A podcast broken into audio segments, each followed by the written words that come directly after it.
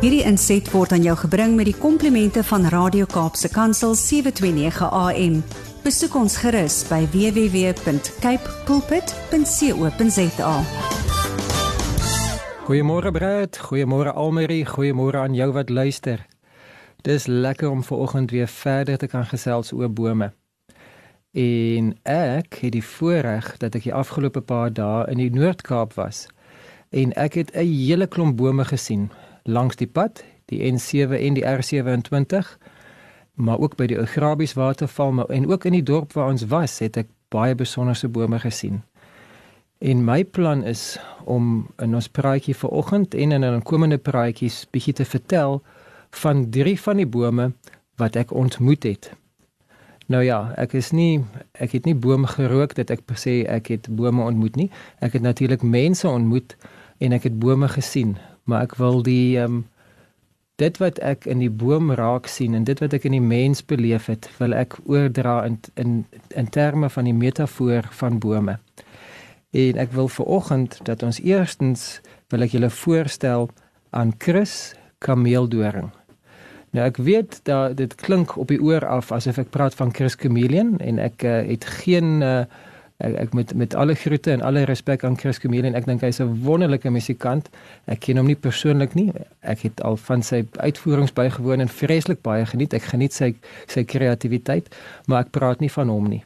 Hoopelik praat ek dalk eendag met hom, maar ek praat nie vanoggend van hom nie. Ek praat van 'n ander Chris in 'n Noord-Kaapse dorp wat ek nie gaan noem nie. En ek gaan ook nie na Chris se van verwys nie want ek het 'n ooreenkoms met die manne met wie ek gesels het dat ek hulle gaan hulle privaatheid gaan respekteer wat ek verder ook gaan doen is dat die feit dat ek met 'n uh, dosyn werklose manne twee volle dae kon spandeer en so baie by hulle kon leer, gaan ek van die stories bymekaar sit en nie alles wat ek nou vandag vertel van Chris is eerstehands deel van Chris se biografie nie. Dis nie alles noodwendig net deel van Chris se lewe nie. Dis so 'n bietjie van 'n saamgestelde prentjie. Ek het so 'n bietjie van van Chris se se vriende, van sy swaar, van sy van die manne wat saam met hom daar was en wat ons skouers geskuur het. Ek het so 'n bietjie van hulle verhaal ook bygevoeg. So histories is dit nie alles Christelike lewe nie, maar ek wil sê dat alles van hierdie is in beginsel waar en die die bottom line is dat ons moet leer by hom en ons moet dit toepas op ons lewe en ons moet vra wat is waar daarvan in my lewe. Nou kom ons trek weg deur net weer 'n bietjie te dink aan een van die wonderlike eienskappe wat bome het baie van die bome as hy gefestig is, as hy gesond is, as hy floreer en hy staan op 'n gunstige plek en iets sou gebeur en die stam word afgekap, afgesny, afgery, afgebreek, uh, dan is daar van die bome wat dit nie sal maak nie. Sommige bome sal vir lank sukkel en dan éventueel verdroog, maar daar is heelwat bome uh, wat dit sal oorleef en dan weer sal uitstoot en baie van die bome sal dan veelvoudige stamme uitstoot. Nou ek het 'n baie vriendelike kennis by die Botanical Society en ek is in gesprek met hom en ek gaan my botaniese feite so 'n bietjie meer verifieer. Maar hy was ongelukkig bietjie onder werkdruk geweest so ek kon nie vandag voordat ons nou uh hierdie gesels gehad het met hom my feite uitklaar nie. So vandag wil ek sê jy moet maar my feite met 'n knippie sout vat maar vorentoe sal ek vir jou sê wanneer ek weet dat ek op botanies vaste grond staan. Maar ek dink die in beginsel gaan dit wat ek sê gaan die boot gaan water hou. Ek dink my beginsels gaan deurkom. Ek was dan in die Noord-Kaapse dorpie by 'n gemeenskapsaal gewees. Die Noord-Kaap is stowwerig, die Noord-Kaap is vaal, maar die Noord-Kaap is groen. Dit het gereën en dit gaan goed met skaap en dit gaan goed met veld en dit gaan goed met weiding en dit gaan goed met bome. En hierso op die uh, omheinde perseel van hierdie gemeenskapsaal was daar 'n spesifieke boom gewees wat uh, in die afgelope jaar of wat miskien tydens lockdown het daar iets gebeur. Ek weet nie of dit uh, moetswillig was of doelbewus was of beplan was of 'n ongeluk was nie. Maar hoe dit ook al sê, hierdie boom wat nou so in sy middeljare is, 'n lekker stewige boom, het sy stam verloor en daar het nou al genoeg tyd verloop dat hy weer 'n nuwe stam uitgestoot het. Maar hy het nie 'n enkel stam uitgestoot nie. Hy het 'n stuk of 7. Ek sal weer op my foto gaan kyk, maar dit kan selfs soveel soos 12 verskillende stamme wees. Party van hulle is lekker dik, party van hulle is dun, Sommige is langer, ander is korter. Ek dink jy kry die prentjie dat hierdie boom het dit oorleef en hy is besig om met mag terug te stoot. Hy is met mag besig om om te wys dat hy lewe. Uh in Engels sou mens praat van resilience. En hierdie hierdie vriendelike man by die Botanical Society het my so mooi herinner aan aan die Afrikaans van veerkragtigheid. Veerkragtigheid. En hierdie Chris wat ek ontmoet het en met wie ek die voorreg gehad het om 2 dae te te pad te stap en waar ons kon praat oor mekaar se lewens en waar ons as manne op 'n stadium in 'n kring kon sit en regtig mekaar se harte kon hoor. Hy het vir ons sy lewensverhaal vertel en ek moet eerlik sê en ek moes dit ook aan hom erken dat toe hy vir my die eerste keer so 'n bietjie 'n oorsig gee oor sy lewe, toe het ek gedink, "Ja, wat maak dit in my binneste gedink? Ek het dit nie vir hom in sy gesig gesê nie." Ek het gedink hierdie man het dan al baie rondgeval in sy lewe. Want hy was in twee naburige dorpe gewees. Hy was in die groter dorp wat in die streek is en hy was in die provinsie se se hoofstad gewees. Hy was ook op na Gauteng toe gewees in Pretoria. Hy het daarso by verskillende verskillende plekke gewerk en hy was uit ook al 'n draai in die Kaap gemaak.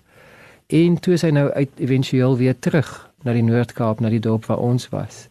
En ek het gedog hierdie man val rond. Maar toe ons by 'n volgende ronde weer bietjie dieper praat oor mekaar se lewensverhale en ek oor tyd toe nou so bietjie hom een kant vat en hom bietjie uitvra. Toe kom dit uit dat hy het werk gekry na skool by 'n sekuriteitsfirma. Sekuriteitswagte um, kan aangestel word as ongeskoold, maar hulle moet baie gou met hulle hulle self sertifiseer.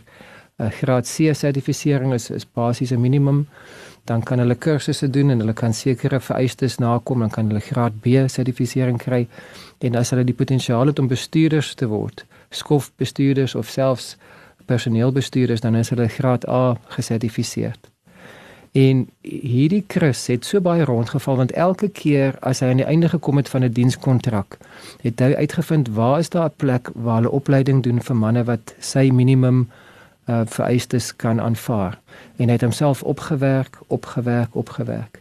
Hy het 'n brandbestrydingskursus gedoen, hy het 'n vuurwapenlisensie kursus gedoen. Hy het bestuurskursus gedoen. Hy het video ehm um, moniteringskursusse gedoen. En sy CV is nou so verryk dat hy gereed is en ek het die volle oortuiging dat hy sal 'n opleidingsakademie kan begin vir sekuriteitswagte en hy sal die hele proses kan oorsee en hy sal ook in al die fasette kan weet wat is nodig sodat bereidwillige betroubare manne en vroue opgelei kan word om sekuriteitswagte te wees wat nie net 'n uh, 'n 'n plek 'n stoel warm sit nie maar wat regtig bydra tot die veiligheid van van die plek wat hulle moet uh, bewaak. Hierdie Chris het dit gedoen ten spyte daarvan dat sy stam afgesny was. Sy stam was afgesny toe sy pa nie teenwoordig was na sy geboorte nie. Sy stam is afgesny toe sy ma siek geword het.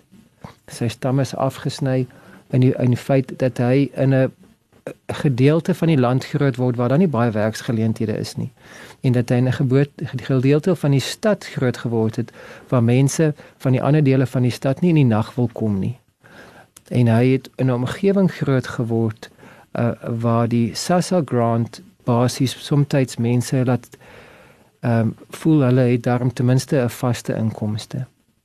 Hy het groot geword in moeilike omstandighede, uitdagende omstandighede. En dan wanneer hy homself met met durf bewys het en wanneer hy homself met getrouheid bewys het, dan raak die die mense wat ehm um, sy CV ontvanger voel bedreig want hierdie aansoeker sy CV is soveel meer uh uh belaai en soveel meer effektief as wat hulle CV is. En dan sit in plaas van dat hulle hom dan aanbeveel vir aanstelling dan sit hulle sy CV onder in 'n hoop of hulle laat sommer die CV net heeltemal wegraak en dan kap hulle nog een van sy stamme af. Nog 'n geleentheid vir bevordering nog 'n nog 'n geleentheid vir vastigheid wat afgesny word weer en weer en weer word die Chris Kameeldoring se stam afgekap. COVID kom kap sy stam af. Omstandighede kap sy stam af. Wanneer hy by die huis is as 'n werklose dan kap die ma van sy kinders sy stam af en sê jy's 'n niks werd. Wanneer hy die land vol reis op op in 'n poging daarvan om vaste opleiding te kry, om vastigheid te kry vir inkomste, dan kap sy die ma van sy kinders uh, sy sy stam af deur te sê jy's nooit hier nie. Ons weet nie waar jy is nie. Jy's nie 'n goeie pa nie want jy's nooit hier nie. En kap weer en kap weer. En oneerlike polisiemanne wat hom vals beskuldig. 'n Skietvoorval waar hy uh, uh uit selfverdediging sneller moes trek met 'n gelisensieerde vuurwapen wat hy volgens die video footage alles wettig gedoen het, maar wat die hofsaak so lank gesloer het, waar hy toe nou onskuldig bevind is want hy het binne die re reëls van die van die reg opgetree, maar dit het maande gevat wat hy nie kon geld verdien nie. Weer 'n keer word sy stam afgekap. Dit laat my dink aan 'n vers in die Ou Testament, Spreuke 24 vers 16. Spreuke 24 vers 16 sê want sewe maal val die regverdige en staan weer op. Maar die goddelose struikel in die ongeluk. Want sewe maal val die regverdige en staan weer op. Maar die goddelose struikel in die ongeluk en staan weer op. Veerkragtigheid resilience proverbs 24:16 For though the righteous fall 7 times they rise again but the wicked stumble when calamity strikes. They rise again Chris Chameleon Kameeldoring Chris Kameeldoring het weer opgestaan. He rises again. Sy stam is vol potensiaal sy wortels is gefestig en ek glo dat die opleidingsakademie gaan 'n werklikheid word want hy staan weer op. My vertroue is in die Here en ek sien die potensiaal in hom raak. Hoe lyk dit aan jou kant? Is jy besig om te bly lê of staan jy weer op? Spreuke 24:16 praat ook met jou. Die kameeldoring wat afgekap is, praat met jou. Chris kameeldoring, nooi jou vandag. Kom ons bid saam. Vader, dankie dat U die God van tweede kansse is. Dankie dat U in die natuur vir ons wys dat al word ons boom se stam afgekap, kan ons weer uitloop. Kan ons weer opstaan. U woord leer vir ons in Spreuke. U woord leer vir ons reg deur die Nuwe Testament. Jesus is ons voorbeeld dat ons nie hoef te bly lê nie. Ons kan opstaan. Heilige Gees, gee vandag vir my die vermoë om te sien waar ek bly lê het en gee vir my die begeerte om in plaas van te lê op te staan tot op my knieë en op my knieë vir U te vra. Tel my op, Koning Jesus, en hou my vas. In Jesus naam. Amen. Hierdie inset was aan jou gebring met die komplimente van Radio Kaapse Kansel 729 AM. Besoek ons gerus by www.cape pulpit.co.za.